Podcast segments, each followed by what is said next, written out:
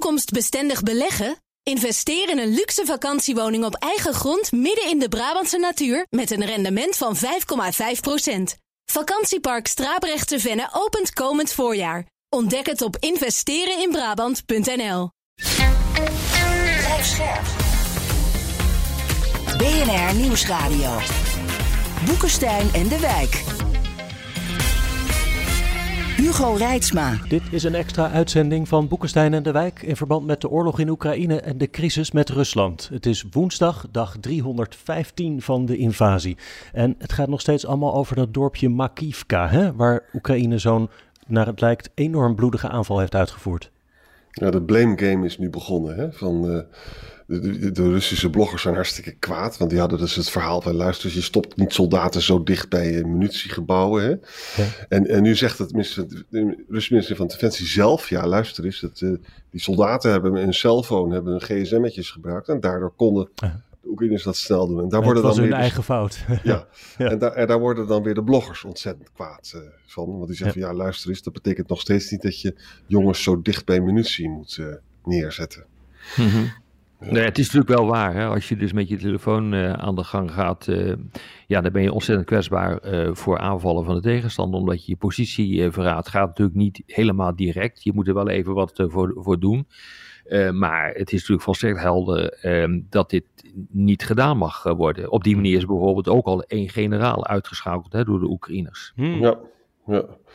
Sommige Russische soldaten zeiden van ja, maar we gooien onze simkaartjes er allemaal uit, onze Russische simkaartjes, en we doen er dat Oekraïense in. Maar ja, dat maakt natuurlijk dat niks uit. Niet uit. Nee, nee, dat maakt allemaal niet uit. Nee, nee, nee, dat is echt ongelooflijk stom. En uh, ja, dat hoort bij de echte operationele veiligheid, uh, dat je gewoon de telefoon inlevert. Maar ja, er zijn natuurlijk altijd mensen die het niet doen. En realiseer je, uh, die generaals die deden dat dus ook, maar dat kwam ook omdat de hele commandovoering en de technische commandovoering ook gewoon onder de maat was bij de Russen. Precies. Moet je je voorstellen, als je daar zit als jongen van 19, hè, je hebt de verkeerde schoenen en je hebt een slecht geweer, dan heb je misschien wel eens zin om even met je moeder of je vader te praten. Ja. Nou, dan heb je het glazen gelijk, ja. toch? Moeten we nog kijken naar de situatie in de Donbass of zit daar alles nog steeds muurvast? Alles zit daar muurvast, hè, bij, bij Bakhmut. Het is zelfs zo dat de Russen daar een beetje verliezen. En dus allemaal verhalen dat ook de Wagner-groep kan Poetin daar niet helpen. Uh, en dat moet dan natuurlijk ook wel weer verklaard worden waarom dat zo is. En dan praten mensen over logistieke problemen. En, hm. Ja, nou ja kijk, ook daar is de blame game begonnen. Hè. Als je dus kijkt ja. uh, wat Wagner uh, zegt, ja, die zegt nu: dit is de schuld van het ministerie van, van Defensie, oftewel van Shogui. maar ook feitelijk van de industrie in Rusland, die niet kan leveren. En dan duidt hij waarschijnlijk op wapensystemen, maar vooral ook op munitie. En hij zegt dus van de ondersteuning van het, van het Russische leger is ook onvoldoende. Uh, maar je ziet dus dat iedereen zich op dit ogenblik aan het indekken is. En dat is echt wel bijzonder, hoor, moet ik zeggen. Ja. En het leidt er dus ook toe dat iemand als Gerasimov openlijk zegt: Nou, laten we ons maar beperken tot het veroveren van de rest van Donetsk. Ja. Ja. Dat past daar ook bij, bij al die nou ja. ellende. Ja, nou ja, tegelijkertijd is er natuurlijk een hele discussie over uh, hoe lang gaat dit gevecht nu eigenlijk uh, duren. En uh, Poetin, uh, die heeft er toch wel echt op gezinspeeld. Hè? En nou ja, uh, wat je zegt, Arend Jan, hij schuift in zijn retoriek steeds meer in de richting van de NAVO. Dat is een grote boze vijand, daar moeten we ons tegen verdedigen. Dat maakt het mogelijk om weer te gaan mobiliseren. dus dat hele, die hele ver, verschuiving van het narratief, dat is echt iets waar ook in Europa goed rekening mee moet worden gehouden. En, en je ziet dat ook de voorwaarden nu worden geschapen in, uh, in Rusland. Uh, omdat uh, er is nu bijvoorbeeld een nieuwe instructie uitgekomen vanuit het Kremlin. om lokale bestuurders, maar ook zeg maar, de top van het ministerie van Defensie te dwingen. om na te gaan denken hoe je de strijd in Oekraïne op een andere manier kunt steunen. Bijvoorbeeld door de bevoorrading te verbeteren, maar ook door de medische voorzieningen op uh, poten uh, te zetten. Je zou denken, dat moet allemaal al gebeurd zijn, maar dat is dus gewoon niet uh, zo. dus dat moet je ook weer plaatsen, denk ik, in de context van de hele discussie over een langer conflict, nieuwe mobilisatie, Ga zo maar door. Ik, ik zag hierover ook nog een organisatie genaamd de Soldatenweduwe, waarvan een beetje onduidelijk is wie dat dan zijn, die op Telegram oproepen tot een nieuwe golf van mobilisatie. En interessant vond ik, zag een oude Ruslandkenner Egbert Hartman, die erop mm wees, dat staat in een mooie Sovjet-traditie, want toen werden ook impopulaire maatregelen, die werden afgeschoven op, van ja, dat, dat was een verzoek van de arbeiders. Dus dit zou ook weer een, een, manier kunnen zijn voor het Kremlin om de geest rijp te maken. Ja, dat uh, is absoluut uh, juist. En uh, wat je dus ook gewoon ziet in die hele discussie, is dat dat probleem, wat ze eigenlijk al een hele tijd hebben, namelijk van. van feitelijk soldaten die niet goed zijn opgeleid, dat dat steeds belangrijker begint te worden. Dat zie je dus ook op die Telegram-kanalen van die mailbloggers, die Russische mailbloggers, dat ze zeggen: ja, dit kan absoluut niet. bijvoorbeeld wat er gebeurt en wat een punt van kritiek is, is dat mensen die artillerie moeten bedienen ineens worden ingezet voor infanterie. Dat is op zich is dat niet zo vreemd om dat te, te doen, behalve als je die lui nooit getraind hebt voor infanterietaken. Nou, en dat soort dingen, dat begint nu steeds groter, hm. een steeds groter probleem te worden. En dat betekent dus ook dat het heel lastig is om zo'n lang gevecht ook heel erg lang vol te houden. Ja, ja. Maar dat lijkt wel een beetje de insteek van Poetin als je het zo ziet. Dat hij gewoon alle wapens, desnoods wapens uit de Tweede Wereldoorlog. En desnoods mobiliseert hij een miljoen man. Maar ik ga gewoon door. Dat dat zijn insteek is. Nou ja, dat is dus inderdaad het, uh, het hele punt. En uh, ja, het kan gewoon niet. Uh, kijk, als je dus gaat kijken wat bijvoorbeeld generaal Milley, de hoogste militair van Amerika, daarover heeft gezegd. die heeft gewoon in december heeft hij kritiek op zijn hals gehaald door te zeggen van ja, een lange oorlog die is gewoon niet door een van de partijen te winnen. En wij kunnen ook niet, wij Amerikanen, oeverloos doorgaan met het leveren van wapensystemen. En hij heeft toen gezegd, en dat heeft enorm veel kritiek opgeleverd, de winter is een tijd om te kunnen gaan onderhandelen. Uh, en hij vroeg zich af, wat is een complete overwinning die Poetin wil gaan, uh, uh, die Poetin wil gaan behalen? Hm. die, die, die is niet eens goed te, te, te definiëren. dus ehm, Poetin eh, die kan helemaal geen complete overwinning eh, behalen, want hij is niet in staat om voldoende soldaten op de been te brengen om echt dat hele land te kunnen bezetten. Dus hier zit echt wel een geweldig probleem in. En die Millie, ja, die heeft natuurlijk op zich wel gelijk. En je ziet dus nu dat nu alles aan het schuiven is. En dat, kunnen jullie nog herinneren, een tijd geleden, maanden geleden, dat iedereen in een soort juichstemming was over dat uh, Rusland uh, dit wel heel snel uh, zou gaan klaren. Ook Ben Hodges, de bekende generaal, de vroegere commandant van de Amerikaanse landskrijgskracht in Europa, die zei nou voor het eind van dit jaar is, staan ze voor de Krim. Is allemaal niet gebeurd hè. Oh, dat Oekraïne het snel zal... ja, ja, exact. Ja. Ja. ja. En nu zie je dus gewoon dat ook dat Poetin die ommezwaai maakt en zegt van nou ja, dit gaat gewoon, dit gaat lang duren. Dat heeft uh, Shoku trouwens ook gezegd, de minister van Defensie. En het interessante is daarbij dat dus de. Poetin erkent dat tussen, ook als hij bij de troepen is. En, en bij zijn, uh, zijn jaarstoespraak zag je dat ook in de jaarstoespraak. Hè? Maar het, is niet zo dat de kritiek op Poetin zelf is. Het is nog steeds beperkt tot de generaals. Hè? Hm. Dat, is wel, dat is wel bijzonder dat hij dat voor elkaar krijgt. Het gaat helemaal niet goed, maar hij blijft mhm. buiten het schootsveld. Mhm. Dat vind ik wel bijzonder eigenlijk. Ja, zeker. Maar kijk, als je dus nu uh, eens kijkt naar zo'n lange strijd, uh, dan worden natuurlijk ook de risico's steeds groter. En uh, dat brengt ons feitelijk uh, op de rol van de Amerikaanse strijdkracht in Europa. Hè. Dus aan de mhm, ene kant uh, zorgen ervoor dat de Amerikanen zorgen de Amerikanen ervoor dat Oekraïne bewapend blijft.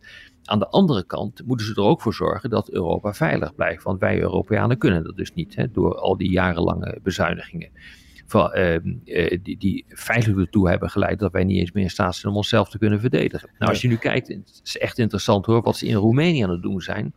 er zit de zogenaamde 101e Airborne Divisie, die zit heel dicht bij de Russische grens te oefenen. Ja. Nou, ja. zullen er ongetwijfeld mensen zeggen van, uh, nou ja, dat is uh, ook niet slim, want dat kan alleen maar escalerend werken, dat irriteert Poetin. Maar inmiddels weten we natuurlijk wel dat Poetin alleen maar met kracht met macht tot staan kan worden uh, gebracht. En dat er hele duidelijke signalen nodig zijn om die man uh, ervan te weerhouden om daadwerkelijk iets tegen het nou, voor verdragsgebied uh, te doen. Nou, en dit is daar een heel duidelijk voorbeeld van. En je zou denken dat zouden dus de, de, de Europese strijdkrachten zelf moeten doen. Dat doen ze ook wel, maar op een veel beperktere schaal.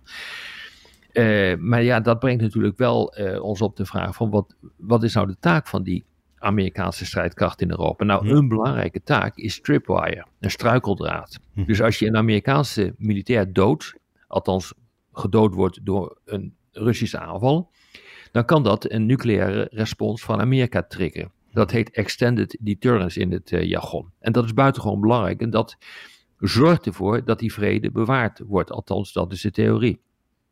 Nou ja, wat je ook ziet is dat die Europese strijdkrachten absoluut niet in staat zijn om geïntegreerd op te kunnen treden. Dat kan alleen maar met Amerikaanse middelen. De Amerikanen hebben de middelen ervoor om van al die verschillende Europese legers één grote gevechtsmachine te maken. En dat kunnen alleen de Amerikanen, de Europeanen kunnen dat niet. Het grote verschil met de Russen, die zijn niet eens in staat om dat te doen met hun eigen strijdkracht in Oekraïne. dus er zit een enorm kwaliteitsverschil tussen de Europese, uh, de Russische en de Amerikaanse strijdkrachten, waarbij de Amerikaanse strijdkrachten eigenlijk gewoon zo kwalitatief voor opleggen dat ze bepalen wat er gaat gebeuren. Ja, ja. En het, en het, duurt misschien wel 10 tot 20 jaar voordat Europa zelf dingen kan doen. Hè? Ja. Ja, dat, dat gaat zeker 10, 20 jaar duren voordat je dit een beetje op orde hebt. Absoluut. Daar heb je helemaal gelijk in, Arend Jan. Ik herinner me ook uh, veel eerder uit het conflict, ik wel meer dan een half jaar geleden, allerlei speculatie over wat doet die, die airborne divisie zo dicht bij de Oekraïnse grens. En dat ja. een van de verhalen daarbij was van ja, misschien dat die ook op een gegeven moment ineens uh, in Kiev blijken te zitten. Uh, als, als de Amerikanen besluiten, nu is het genoeg geweest en we, we brengen het conflict in een andere dimensie, zeg maar. Daar is inderdaad sprake van geweest, helemaal in het begin van de strijd. Ja. En toen had dat gekund. Uh, toen, toen waren er aanwijzingen dat de Amerikanen in ieder geval met dat plan speelden. Volgens mij spelen ze daar op dit ogenblik niet meer mee. Hmm. Ja, het is echt extended deterrence, hè? van geen grapjes uh, in Roemenië en bij die grens. -hmm. We zitten daar. Dit weekend zijn er 80 drones uh, afgevuurd hè, door uh, Rusland. Dat zijn van die Shahed-Iraanse drones, die gewoon die op uh, contact uh, ontploffen ze. Die kosten, zijn allemaal gedowned, wat trouwens heel bijzonder is. Maar om, om ze dus neer te halen, ja, dat kost een hoop geld. Want een Iraanse drone is 20.000 dollar. Ja. Maar een luchtdoelraket om ermee weg te halen is bijvoorbeeld een, een Russische S-300 is 140.000 dollar, zeven keer zo duur. Ja. Of een NASAM Amerikaans, vijf, dat is een half miljoen jongens. Ja, ja. Uh, en Rusland heeft al 600 drones afgevuurd hè, de afgelopen maanden. Dus ook hier is dus een soort uitputtingsoorlog aan de gang. Hm. Die voor het Westen, om het zo maar eens te zeggen, voor de Oekraïnse kant zeer kostbaar uitpakt natuurlijk. Ja, en dat is natuurlijk het hele punt. Hè, wat die uh, Russen proberen te doen uh, met die Iraanse drones. Is het uh, de luchtverdediging van Oekraïne uitputten. Ja, dus je kunt oeverloos doorgaan met die goedkope drones. En iedere keer schiet je daar een, een rakettop af die ontzettend duur is. En dat, leg, dat is echt belangrijk uh, wat je zegt, uh, Jan, met die, met die kosten. Uh, want iedereen roept van de Petris moeten komen, de Petris moeten komen, dan is het leed geleden. Dat is natuurlijk niet zo. Enig idee wat een Patriot-raket kost? Ja, nog veel meer waarschijnlijk. 4 miljoen ja. dollar. Ja. Ja. dat is dus zo, zeg maar ongeveer het equivalent in, in euro's. Ehm, die ga je niet afschieten op een drone van 20.000 euro. Dat doe je gewoon niet. Nee. Uh, dus die Petrus, die zijn er alleen voor bijzondere dreigingen. Dus uh, al die mensen die continu maar roepen van, nou, als die Petrus, die hadden al lang gestaan moeten, moeten hebben. En het is een schande dat die pas nu komen.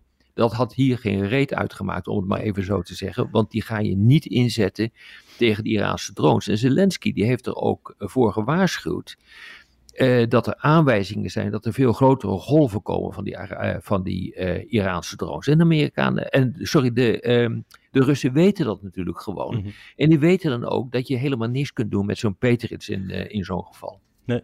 De Oekraïners hebben wel veel succes met die Gepard, die Duitse systemen. Hè? Dat ja. is een soort, ja, hoe omschrijf je dat? Een tankje met een heel groot mitrailleur erop. En die schieten dus gewoon met kogels, die, ja. die drones, heel effectief uit de lucht. Dat klopt, maar het hele punt is, en uh, dat weten de Russen natuurlijk ook, dat kan alleen overdag. En vandaar dus dat nu alle grote droneaanvallen, die komen gewoon in de nacht. Hmm. dus niet meer overdag, want dan kan je ze inderdaad gewoon uit de lucht schieten. En dit maakt de, de kans om er doorheen te komen voor de Russen veel groter als je het s'nachts doet. Ja. En daarom lees je ook steeds dat de Amerikanen bezig zijn om te kijken of ze die toevoer van drones kunnen blokkeren. Hè? En, en, en, vervolgens lees je daar weer niks meer erover, wat hmm. ook hartstikke lastig is.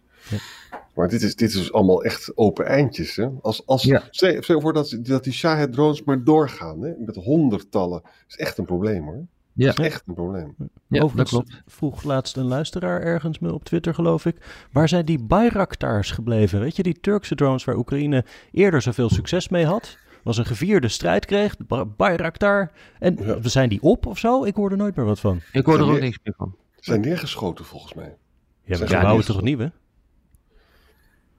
Nee, het is een goede vraag. Ik, eh, je hoort er niks meer van. Het, eh, nee, volgens mij maken ze nu ook zelf eh, drones. Maar nee, je hoort Ja. er niks van.